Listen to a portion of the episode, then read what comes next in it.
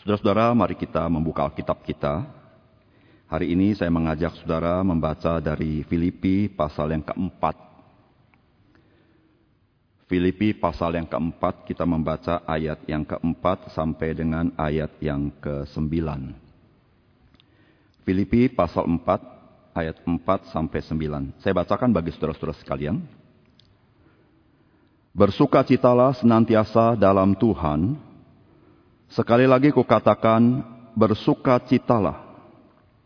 Hendaklah kebaikan hatimu diketahui semua orang. Tuhan sudah dekat.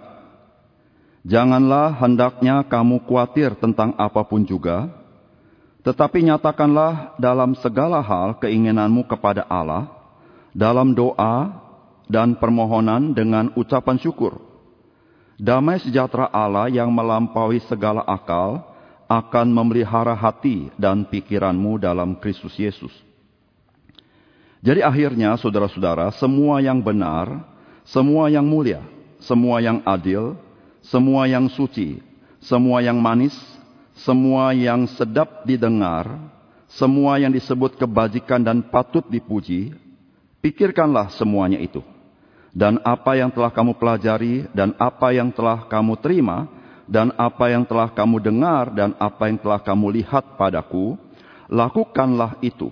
Maka Allah, sumber damai sejahtera akan menyertai kamu.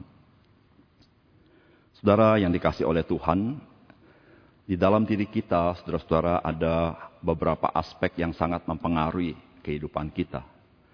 Saudara, salah satu aspek yang sangat mempengaruhi kehidupan kita yaitu kehidupan afektif kita, yaitu perasaan kita, saudara ya. Saudara-saudara, kita tidak dapat menyangkali bahwa afektif kita sangat mempengaruhi bagaimana perilaku kita, bagaimana kita bersikap dalam segala sesuatu, saudara-saudara. Apalagi saudara-saudara dalam situasi yang sulit ya hari ini kita hadapi ya saudara-saudara pasti ada banyak pergumulan dalam kehidupan mungkin usaha, pekerjaan, keluarga dan sebagainya saudara-saudara. Saudara saya yakin saudara-saudara afektif kita sangat dipengaruhi oleh situasi dan kondisi yang seperti itu. Oleh karena itu hari ini saudara-saudara dari surat Filipi kita mau belajar ya. Sebenarnya di dalam Kristus bagaimana keafektif kita itu sendiri saudara-saudara. Saudara Rasul Paulus di dalam surat Filipi ini, di ayat yang keempat mengatakan begini kepada kita. Bersukacitalah senantiasa dalam Tuhan. Sekali lagi kukatakan bersukacitalah. Saudara surat Filipi kita tahu, saudara-saudara ini surat dari penjara, saudara. Ya. Saudara kalau kita baca surat Filipi, maka kalau saudara baca baik-baik, saudara akan menemukan ada 16 kali saudara kata sukacita. Nanti saudara hitung, saudara ya. 16 kali, saudara. Saudara, uh, saya yakin saudara di penjara bukan hal yang nyaman, saudara, hal yang tidak gampang. Tapi kalau saudara baca surat Filipi ini, surat ini bukan hanya satu apa namanya, satu nasihat kepada jemaat, tetapi banyak berbicara mengenai kesaksian hidup dari seorang Rasul Paulus. Saudara kesaksian hidupnya saudara-saudara sama dengan nasihatnya. Bagaimana ia bersuka cita di dalam Tuhan meskipun dalam penjara meskipun dalam penderitaan, meskipun dia dihasut oleh orang lain, meskipun dia harus berkorban, dia tetap bisa bersuka cita. Saudara, sehingga saudara-saudara saya mau katakan, saudara-saudara sukacita orang Kristen itu dapat dikatakan paradoks begitu saudara-saudara ya. Situasinya tidak menguntungkan, tapi orang Kristen tetap bisa bersuka cita. Begitu ya. Jadi artinya begini saudara, kesusahan sama sukacita itu bisa berjalan sama-sama. Duka cita dan sukacita bisa berjalan bersama-sama. Ya. Nah, saudara ini terjadi dalam kehidupan Rasul Paulus. Maka saudara-saudara di ayat yang terakhir dikatakan apa yang telah kamu pelajari dan apa yang telah kamu terima dan apa yang telah kamu dengar dan apa yang telah kamu lihat padaku. Itu Paulus katakan, saudara. Saudara Paulus bukan sekedar mengajar. Tapi dia memberikan satu teladan bagaimana hidup sebagai orang percaya. Saudara yang menarik adalah saudara-saudara, kata bersukacitalah senantiasa dalam Tuhan. Sekali lagi aku berkata bersukacitalah, saudara-saudara, ini bentuknya perintah, saudara ya. Saudara yang menarik begini, saudara, kalau saudara membaca kitab Galatia, saudara, sukacita itu adalah buah Roh Kudus. Namun dalam konteks Filipi, Rasul Paulus menulis dalam konteks perintah. Saudara, apa artinya? Saudara, artinya begini, saudara. Kalau perintah itu artinya saudara dan saya harus mengambil keputusan. Saudara dan saya harus mengambil pilihan. Tetapi saudara-saudara, sukacita ini saudara-saudara bukanlah atas effort manusia, bukan. Ini bukan karena situasi dan kondisi dunia, bukan. Bukan karena materi, bukan saudara. Saudara ini lahir karena rohani kita. Karena roh kudus yang bekerja dalam hidup kita. Ini adalah buah roh kudus. Ini masalah rohani. Ini masalah rohani. Maka itu saudara-saudara kalau berbicara mengenai sukacita di dalam bentuk perintah tetapi dia buah roh kudus. Maka saudara-saudara di sini berbicara tentang sanktifikasi orang percaya. Saudara-saudara kita harus menyadari saudara-saudara bagaimana afektif kita harus mengalami pengudusan daripada Tuhan. Saudara ada kalanya saudara-saudara kita sebagai orang percaya kita tidak bertumbuh secara afektif. Saudara ketika kita tidak bertumbuh secara afektif saudara-saudara kita punya banyak pergumulan. Kita merasa kita tidak bedanya dengan orang-orang yang belum percaya. Saudara, Alkitab mengatakan bersukacitalah di dalam Tuhan. Saudara. saudara, artinya apa saudara? Saudara dan saya sudah ada di dalam Tuhan. Sekarang saudara bisa memilih untuk hidup bersuka cita. Kenapa, saudara? Karena roh kudus tinggal dalam kita. Sehingga saudara-saudara berbicara sukacita, ini berbicara masalah rohani, berbicara saudara memilihnya untuk bersukacita. Saudara Rasul Paulus berkata dengan jelas saudara-saudara, bersukacitanya itu di dalam Tuhan. Senantiasa. Saudara tidak gampang saudara ya bersuka cita senantiasa tetapi karena ada di dalam Tuhan saudara-saudara. Apa artinya? Saudara kalau kita membaca firman Tuhan, sering kali Alkitab berbicara tentang di dalam Kristus. Kristus Tuhan kita, di dalam dia, di dalam dia. Saudara-saudara ketika berbicara bersuka cita di dalam Tuhan, maka Rasul Paulus ingin memberitahukan kepada kita. Bahwa di dalam Tuhan, kita mempunyai identitas baru. Di dalam Tuhan kita punya status baru. Saudara-saudara kalau saudara membaca kitab Roma, saudara-saudara, saudara di dalam Kristus, saudara dan saya adalah seorang yang baru, yaitu orang yang dibenarkan Tuhan. Kita harusnya orang bersalah, tetapi Tuhan membenarkan kita di dalam Kristus. Bukan itu saja, saudara-saudara. Saudara-saudara Alkitab berkata apa? Saudara dalam kitab Galatia berkata apa? Kita adalah orang-orang punya identitas baru. Kita ini anak-anak Allah. Saudara status dan identitas ini bukan karena effort kita. Tapi saudara-saudara ketika kita mengingat status yang baru ini. Kita tahu itu anugerah Tuhan kepada kita. Saudara yang kasih dalam Tuhan mengubah status kita dari orang berdosa menjadi orang dibenarkan. Dari orang dimurkai oleh Allah menjadi anak-anak Allah yang dikasihi. Saudara-saudara itu butuh pengorbanan Yesus Kristus kayu salib saudara. Saudara sehingga Rasulullah berkata, bersukacitalah senantiasa dalam Tuhan. Yaitu saudara-saudara mengingat dan menyadari kita mempunyai identitas baru sebagai anak-anak Allah mempunyai hak istimewa sebagai anak-anak Allah. Bukan itu saja saudara-saudara. Saudara ketika berbicara di dalam Kristus, di dalam Tuhan. Saudara Rasul Paulus berbicara apa saudara? Saudara dan saya hidupmu dan hidupku dijamin di dalam dia. Aman di dalam dia. Itu dikatakan saudara kalau saudara membaca surat Efesus dikatakan. Segala berkat-berkat rohani di surga. Itu diberikan kepada kita. Bukan itu saja saudara-saudara dikatakan bahwa satu kali nanti kita akan bersama-sama dengan dia. Mengalami kemuliaan dia itu. Dan saudara itu aman di dalam Kristus. Tidak bergantung kepada perbuatan kita. Tidak bergantung kepada situasi dan kondisi kita. Di situlah saudara-saudara mengapa Rasul Paulus dalam surat Roma berkata apa saudara? Penderitaan yang ringan sekarang ini tidak dapat dibandingkan dengan kemuliaan yang akan kuterima nanti. Oleh karena itu saudara-saudara, dalam segala situasi saudara-saudara, maka Rasul Paulus berkata, bersukacitalah senantiasa di dalam Tuhan. Saudara dan saya punya identitas baru dalam Tuhan Yesus. Saudara dijamin di dalam Yesus Kristus. Saudara-saudara, bahkan saudara dikatakan tidak ada apa pun dalam dunia ini yang dapat memisahkan kita dari kasih Tuhan kita Yesus Kristus. Saudara, di situlah Paulus berkata, bersukacitalah senantiasa. Saudara, hari ini mungkin engkau menghadapi pergumulan hidup. Ingatlah engkau adalah anak-anak Allah. Engkau anak-anak yang dikasih Tuhan. Saudara Alkitab banyak menggambarkan bagaimana seorang bapak mengasihi anaknya. Seorang ibu mengasihi anaknya. Supaya apa? Supaya kita ingat. Jikalau kita orang tua yang punya keterbatasan. Bahkan Alkitab sangat meng, apa namanya, mengkontraskan ya. Kalau kita ini uh, bapak yang jahat, itu Alkitab katakan saudara-saudara, tidak berarti bahwa kita bapak yang jahat dalam arti jahat bagaimana. Tapi maksudnya mengkontraskan, kita ini orang berdosa. Bapak yang jahat, kurang hikmat, bisa mencintai anak-anak kita. Saudara, apatah lagi Bapak kita di surga yang sempurna itu. Yang penuh kasih itu, saudara. Yang penuh belas kasihan itu. Yang Alkitab katakan tadi di, di, di tayangan kita, dia tidak mengingat-ingat dosa kita. Saudara luar biasa, saudara. Saudara ketika saya baca itu, saudara-saudara, saya merenungkan hidup saya. Saudara-saudara, hidup kita, saudara-saudara, betapa banyak dosa kita. Tapi Tuhan tidak pernah mengingat-ingat dosa kita di dalam Kristus itu. Saudara-saudara ketika kita mengingat kasih Tuhan itu. Apatah yang Tuhan tidak berikan kepada kita. Apa yang kita butuhkan. Menurut hemat dia. Di situ saudara-saudara kita boleh bersuka cita di dalam Tuhan.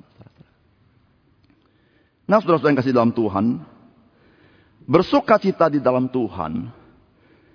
Sangat dipengaruhi di dalam kehidupan kita sehari-hari. Saudara, kekristenan kita tidak boleh hanya hari Minggu, saudara. Ya, hari Minggu hari yang indah, saudara bisa beribadah kepada Tuhan. Tapi saudara, saya mau katakan kekristenan adalah kehidupan. Setiap hari hidup kita, itulah hidup kita mengikut Tuhan Yesus, saudara. Ya, tiap hari kita menjalani kehidupan kita, itulah kita menyelahani Dia. Saudara, saudara ibu rumah tangga, engkau sedang sibuk di rumah, engkau sedang melayani Kristus. Seorang bapak yang bekerja di kantor atau usaha, saudara sedang melayani Kristus. Ketika saudara membantu orang lain, saudara sedang melayani Kristus. Seorang ibu yang sibuk mengasuh anaknya, mendidik anaknya, engkau sedang melayani Kristus. Saudara kehidupan kita ini, saudara-saudara, itulah kita mengikuti Yesus. Saudara kita ingat sekali bagaimana murid-murid pertama ketika mengikuti Yesus. Kehidupan sepenuhnya dia ikut Yesus. Ke mana Yesus pergi, dia pergi. Apa yang Yesus kerjakan, dia ikut di sana, saudara. Apa yang Yesus suruh dia kerjakan. Saudara itu namanya mengikuti Yesus. Saudara mengikuti Yesus tidak bisa parsial. Parsial itu artinya ada bagian yang saya ikuti Yesus, ada bagian yang tidak saya ikuti Yesus. Nah saudara Rasul Paulus, saudara-saudara, kalau berbicara mengenai kehidupan rohani yang bersuka cita, itu adalah satu satu bagian dari kehidupan kita. Bagaimana kita hidup di dalam Kristus, begitulah sukacita itu muncul dalam hidup kita. Maka itu saudara-saudara tidak heran saudara. Setelah kata bersukacita senantiasa dalam Tuhan, Tuhan Rasul Paulus saudara-saudara memberikan nasihat kepada kita.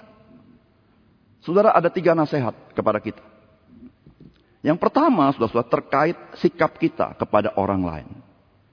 Saudara, ini mempengaruhi kehidupan rohani kita. Saudara, jangan kita pernah berpikir begini. Rohani itu hanya sikap kita kepada Tuhan. Tidak. Sikap kita kepada orang lain, saudara. Itu menentukan juga bagaimana kehidupan rohani kita. Maka itu Rasul Paulus berkata apa, saudara, di ayat yang kelima. Hendaklah kebaikan hatimu diketahui semua orang. Tuhan sudah dekat. Saudara-saudara, Hendaklah kebaikan hatimu diketahui semua orang. Sudah apa artinya? Saudara kata kebaikan hati itu berarti saudara-saudara. Saudara dan saya itu mau apa namanya menanggung orang lain. Begitu ya. Saudara di sini mempunyai pengertian begini saudara. Saudara tidak lagi memikirkan mementingkan diri kita sendiri. Kita mulai memikirkan orang lain. Atau bahasa gampang saudara-saudara, kita selalu berpikir bagaimana saya bisa menjadi berkat bagi orang lain. Saya tidak tahu saudara sering kali tiap hari berpikir seperti itu tidak. Saudara kalau pagi-pagi bangun tidur, saudara berdoa, doain apa saudara kira-kira ya. Saudara pasti kita doakan keluarga kita, saudara ya. Saudara ada kalanya orang tua, papa sibuk, saudara ya. Kadang-kadang uh, agak kurang berinteraksi sama anak-anak. Saudara apa yang kita lakukan? Kita berdoa kepada Tuhan. Ada seorang pendeta, karena kesibukan beliau, ya kalau pergi pagi anak belum bangun, begitu ya. Dia pulang malam, anak udah tidur. Saudara apa yang dia perbuat? Dia bilang, saya datang ke kamar anak-anak saya, Lalu saya tumpangkan tangan atas kepala mereka dan mendoakan mereka. Satu demi satu. Nah saudara-saudara, bagaimana sikap kita kepada orang lain? Saudara-saudara, itu menggambarkan bagaimana kerohanian kita. Saudara-saudara, ketika kita hanya memikirkan diri kita sendiri, saudara, saya beritahu saudara, saudara tidak akan memiliki sukacita dalam hidupmu. Kalau kita hari ini pandemi hanya memikirkan diri kita sendiri, saudara, engkau akan tawar hati. Engkau akan capek hidup ini. Tetapi saudara-saudara ketika kita mulai memikirkan orang lain. Ketika kita pikir bagaimana saya bisa melayani orang lain. Bagaimana saya bisa menjadi berkat bagi orang lain. Setidaknya saudara. Di dalam keluarga kita. Setidaknya, saudara-saudara, uh, eh, WFH dan sebagainya tinggal di rumah ya, orang tua tinggal di rumah, anak di rumah semua, itu kabar baik satu sisi. Bisa menjadi kabar buruk, saudara. Ya, berapa banyak keluarga bertengkar karena semuanya di rumah, saudara. Saudara semuanya di rumah, saudara-saudara, interaksinya kalau semuanya memikirkan diri sendiri, saudara-saudara, saudara keluarga itu sangat rentan, saudara-saudara. Bayangkan saudara, apalagi saudara keluarga kita tidak ada pembantu misalnya saudara, ya. karena pembantu pulang kampung, saudara tidak berani terima dia kembali karena pandemi. Saudara-saudara, jikalau saudara-saudara setiap anggota keluarga hanya memikirkan diri kita sendiri. Saudara-saudara, ini bisa merebut sukacita itu dari hidup kita. Dia bisa merampas sukacita itu. Sehingga kita merasa, saudara-saudara, kita tidak ada sukacita. Saudara, sebetulnya sukacita betapa penting, saudara. Sebenarnya makna hidup kita sangat tergantung sama sukacita itu. Bukan tergantung seberapa banyak apa yang kita miliki, bukan saudara. Saudara orang yang punya sukacita dalam hidupnya, saudara dia bermakna hidupnya. Bukan hanya bermakna, saudara, dia mendapat kekuatan dari sukacita itu. Bahkan saudara-saudara, orang yang punya sukacita itu, dia mampu menjadi berkat bagi orang lain. Saudara kasih dalam Tuhan, bagaimana kehidupan rohani kita? Mari kita mulai memikirkan, apa yang saya bisa lakukan bagi orang lain. Saudara anggaplah begini, besok Tuhan datang, begitu saja saudara. Ayo, saudara mau ngapain kalau besok Tuhan mau datang? saudara punya rencana apa kalau Tuhan besok mau datang? Apa kesibukan saudara yang begitu sibuk sampai saudara nggak mau kerjakan yang lain? Saudara terus terang, saudara-saudara, yang sering kali kita abaikan adalah relasi kita dengan orang lain. Yang sering kita utamakan, pekerjaan kita bukan. Saudara kalau pekerjaan kita begitu sibuk, yang kita abaikan adalah relasi kita. Bahkan saudara-saudara, relasi yang paling dekat itu yang sering kali kita korbankan. Betul gak saudara? Saudara kasih dalam Tuhan, Rasul Paulus berkata, Tuhan sudah dekat. Mari kita melayani orang lain. Mengasihi orang lain.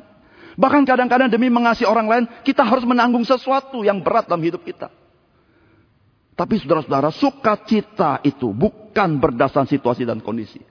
Sukacita itu adalah buah roh. Meskipun Rasul Paulus dihasut oleh orang lain. Rasul Paulus di penjara. Sukacita itu tidak akan luntur.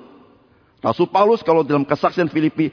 Dia berkata tidak apa-apa. Aku dilakukan demikian. Asal Injil diberitakan. Saudara Rasul Paulus tidak memikirkan diri sendiri. Dia memikirkan jiwa-jiwa di sana. Maka itu Paulus berkata apa? Aku pun tetap bersuka cita. Saudara ini luar biasa sekali. Saudara mari kita belajar, berdoa ya. Bagaimana ya kita jadi berkat bagi orang lain. Saudara saya tahu saudara hari ini sangat sulit. Tetapi kita doa sama Tuhan. Tuhan bantu saya. Bagaimana saya bisa menjadi berkat bagi orang lain. Itu yang pertama saudara. Yang kedua saudara-saudara. Kita berkata, janganlah hendaknya kamu khawatir tentang apa pun juga, tetapi nyatakanlah dalam segala hal keinginanmu kepada Allah, dalam doa dan permohonan dengan ucapan syukur. Saudara, kalau yang pertama sikap kita kepada orang lain. Yang kedua adalah iman kita kepada Tuhan. Saudara-saudara, iman kita kepada Tuhan dan sukacita itu berjalan seiringan. Ketika engkau percaya 100% kepada Tuhan, maka sukacita itu berjalan bersama-sama. Saudara-saudara ketika engkau mulai kurang percaya kepada Tuhan, maka saudara-saudara sukacita itu pun akan hilang pelan-pelan. Yang muncul apa saudara-saudara? Yang muncul adalah kekhawatiran. Saudara kekhawatiran saudara-saudara itu berjalan bertolak belakang dengan iman kita. Kalau saudara kurang percaya kepada Tuhan yang muncul khawatir. Tapi kalau saudara percaya 100% kepada Tuhan, kekhawatiran hilang. Di situ saudara-saudara Rasul Paulus berkata apa? Janganlah hendaknya kamu khawatir tentang apa pun juga. Saudara ini luar biasa saudara-saudara ya. Apa bisa kita tidak khawatir apa pun juga? Bisa saudara. Kalau engkau percaya kepada dia. Saudara ada banyak misionari saudara-saudara di dunia ini. Yang kita tahu kesaksiannya. Mereka pergi dan mereka tahu tempat itu sangat bahaya. Tetapi mereka berani pergi ke sana bukan karena nekat, bukan. Berani karena mereka percaya kepada tangan Tuhan. Saudara-saudara, apa pun juga kita tidak khawatir. Dengan cara apa? Kita percaya kepada Tuhan. Oleh karena itu Rasulullah berkata apa? Nyatakanlah dalam segala hal apa pun juga. Keinginanmu kepada Allah dalam doa. Dalam permohonan, dalam ucapan syukur. Ada tiga hal, saudara. Saudara ketika engkau khawatir, saudara-saudara. Itu akan merebut sukacitamu. Maka bagaimana caranya? Maka dikatakan berdoa kepada Tuhan. Ingat kepada Tuhan. Itu berdoa. Saudara. Ya. Saudara ketika engkau berdoa, engkau ingat sama Tuhan. Tuhan yang seperti apa? Tuhan yang mengasihi engkau. Tuhan yang berbelas kasihan kepadamu. Tuhan yang akan memberkati hidupmu. Tuhan yang akan menolongmu. Tuhan yang batu karangmu. Itu Tuhan kita. Setelah kita ingat Tuhan, Rasulullah berkata, dengan permohonan. Permohonan itu apa? Saudara, saudara ingatlah apa yang kau butuhkan. Apa yang kau butuhkan? Saudara-saudara yang kasih dalam Tuhan, ketika kita berdoa, Tuhan juga mau dengar apa yang menjadi kebutuhan kita. Sampaikan kepada Tuhan. Kalau saudara baca Mazmur, saudara Mazmur itu ada banyak saudara-saudara. Keluhan yang sampai kepada Tuhan. Jeritan yang sampai kepada Tuhan. Kebutuhan dia sampaikan kepada Tuhan. Penderitaan dia sampaikan kepada Tuhan. Dengan air mata. Dengan menjujur air mata di hadapan Tuhan. Saudara-saudara Rasulullah berkata apa saudara? Ingatlah apa yang kau butuhkan ketika engkau khawatir. Engkau tidak perlu khawatir. Saudara khawatir dengan apa yang kita butuhkan tidak sama. Khawatir itu respons yang tidak perlu yang kita harus lakukan. Tapi kebutuhan itu adalah sesuatu yang real yang kita bisa doakan kepada Tuhan. Rasulullah berkata, dengan permohonan, nyatakanlah permintaanmu kepada Tuhan. Yang terakhir, saudara-saudara berkata, ucapkanlah syukur. Saudara-saudara, ketika kita khawatir, ingat. Ingat segala kebaikan Tuhan. Ya. Hitunglah berkat-berkat yang Tuhan berikan kepada kita. Saudara, kalau engkau khawatir, hari ini coba hirup nafas dalam-dalam. Tapi di rumah, saudara ya, jangan tempat umum ya. Pandemi bahaya, saudara ya. Di rumah, saudara, di kamar, saudara ya, hirup udara, saudara. Saudara, Tiap hari saudara kita bisa menghirup udara di pagi hari kan. Hari ini kita baru mengerti saudara ya. Betapa enaknya masa lalu di mana belum ada pandemi kita bebas bernafas. Hari ini saudara-saudara kita begitu khawatir saudara-saudara ya. Kita begitu khawatir saudara. Nah saudara-saudara yang kasih dalam Tuhan. Ingatlah segala kebaikan Tuhan. Hitunglah berkat Tuhan. Saudara ketika engkau menghitung itu. Saya percaya. Imanmu bertumbuh. Saudara sering kali kita lupa pertolongan Tuhan bukan? Tuhan udah tolong berkali-kali, tapi kita lupa selalu. Betul gak saudara ya? Saudara ada banyak kita sudah mengalami mujizat Tuhan, saya yakin saudara ya. Kadang sadar, kadang tidak sadar saudara-saudara. Kita kadang kesaksian mujizat itu yang luar biasa. Tuhan tuh luar biasa. Cuma ketika kita menghadapi lagi, kita stres lagi saudara ya. Kita susah lagi, kita khawatir lagi saudara. Kenapa? Kita lupa saudara ya. Sama yang dulu yang pernah Tuhan tolong kita. Ya, Saudara bangsa Israel sama saudara-saudara. Dia lupa saudara-saudara pertolongan Tuhan. Maka dia berkeluh kesah, saudara-saudara dia komplain, dia tidak percaya sama Tuhan. Saudara ingat, ingat berkat Tuhan.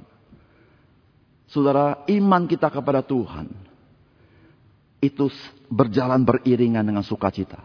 Semakin engkau bersandar dia, semakin engkau bersukacita di dalam dia. Yang ketiga, saudara yang terakhir. Ayat yang ke-8 dikatakan.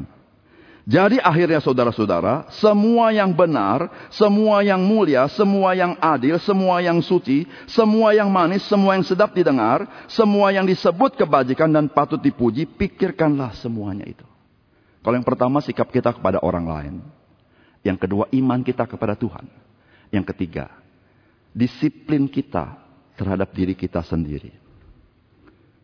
Saudara, terus terang kita lebih senang mendisiplin orang daripada mendisiplin diri kita. Setuju nggak saudara? Ya. Kamu nggak boleh gitu naknya. Papa sih nggak apa-apa. Nah, sering kali kata-kata itu kita muncul ya. Kalau papa nggak apa-apa, kalau mama nggak apa-apa, kamu nggak boleh. Ya. Saudara-saudara ya. Kamu jangan ikutin papa kalau begini. Itu artinya kita disiplinin orang, tapi kita tidak mendisiplin diri.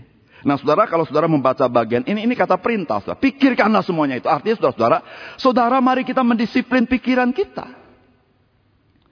Saudara-saudara, diri kita ini tidak ada segmentasi, artinya terpecah satu sama lain. Terkait. Afektif kita sama kognitif kita, itu terkait. Saudara-saudara, afektif kita sangat dipengaruhi bagaimana kita berpikir. Maka itu Rasul Paulus berkata dalam surat Kolose, pikirkanlah perkara-perkara di atas di mana Kristus duduk di sana. Saudara sering kali kita mengkhawatirkan perkara-perkara yang di dunia ini. Kita tidak memikirkan, tidak care sama apa yang Tuhan mau. Maka itu Rasul Paulus berkata apa? Pikirkanlah apa saudara? Pikirkanlah apa yang benar. Saudara terus terang kalau pikiran kita tidak benar, itu pun merebut sukacita kita. Hari ini berapa banyak hoax yang ada, saudara? Betul gak, saudara? Berapa banyak hoax yang ada? Ya berapa banyak orang percaya juga sama hoax, saudara? Ya. Saudara, seluruh berita-berita di dunia ini, saudara-saudara, dia bisa merebut, saudara-saudara, merebut sukacita kita. Kenapa? Kita mulai goyah iman kita. Maka itu Paulus berkata, pikirkanlah yang benar. Lalu pikirkanlah semua yang mulia. Saudara yang mulia itu Tuhan, saudara. Yang mulia itu Injil. Yang mulia itu kasih Tuhan. Yang mulia itu atribut Tuhan. Yang mulia itu pekerjaan Tuhan. Yang mulia itu apa yang Tuhan mau. Saudara pikirkan itu. Pikirkan itu, saudara. Saudara itu mulia sekali, saudara. Saudara kalau engkau tiap hari pikirkan itu, saya percaya engkau pasti punya sukacita. Pikirkan. Sudah ada banyak lagi saudara-saudara apa yang perlu kita pikirkan. Dikatakan, pikirkanlah semua yang suci, yang murni. Saudara-saudara yang kasih dalam Tuhan. Mari kita mendisiplin pikiran kita. Nah saudara saya tahu saudara tidak gampang. Cuma kita harus latih saudara. Harus latih, membiasakan diri. Nah itulah saudara-saudara yang disebut dengan sanktifikasi. Saudara kalau lahir baru itu semata-mata anugerah. Tuhan berikan saja ya. Justifikasi sama, pembenaran sama. Tuhan berikan. Saudara kita hanya percaya. Tetapi kalau berbicara sanktifikasi. Saudara dan saya dilibatkan Tuhan. Saudara dan saya harus ada usaha bersama-sama dengan Tuhan. Bekerja sama dengan Tuhan. Saudara kita bisa bertumbuh di dalamnya. Oleh karena itu saudara-saudara yang kasih dalam Tuhan di masa-masa yang sulit hari ini adalah masa-masa yang memang tidak nyaman, tetapi masa yang baik untuk kita dilatih oleh Tuhan. Saudara, kalau kita cerita sama anak-anak kita, kalau kita udah tua nanti, cerita apa yang kita ceritakan sama anak-anak kita? Saudara, kalau setahu saya, saudara ya, yang sering kali orang tua ceritakan kepada anak-anaknya bukan masa-masa senang. Masa-masa sulit yang dia ceritakan. Ingat ya, papa dulu begini, begini, begini, itu yang susah, saudara ya. Yang susah dikasih tahu. Supaya apa? Karena di situ papanya melihat ada makna kehidupan dalam kesulitan. Di situ ada berkat Tuhan dalam kesulitan.